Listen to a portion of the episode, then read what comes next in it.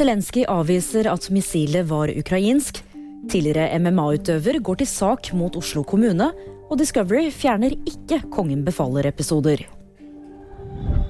Ukrainas president Volodymyr Zelenskyj er overbevist om at missilet som traff Polen, ikke er ukrainsk. Det skriver avisen Interfax.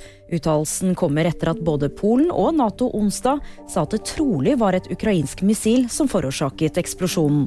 Zelenskyj fastholder at det er snakk om et russisk missil. Tidligere MMA-utøver Geir Kåre Nyland stevner Oslo kommune etter en stupeulykke i fjor. 29-åringen ble lam fra brystet og ned. Nyland mener skiltingen var for lite synlig. Hans advokat antyder at det kan bli en erstatningssum på over 10 millioner kroner. Oslo kommune mener derimot at Nyland selv er ansvarlig for ulykken.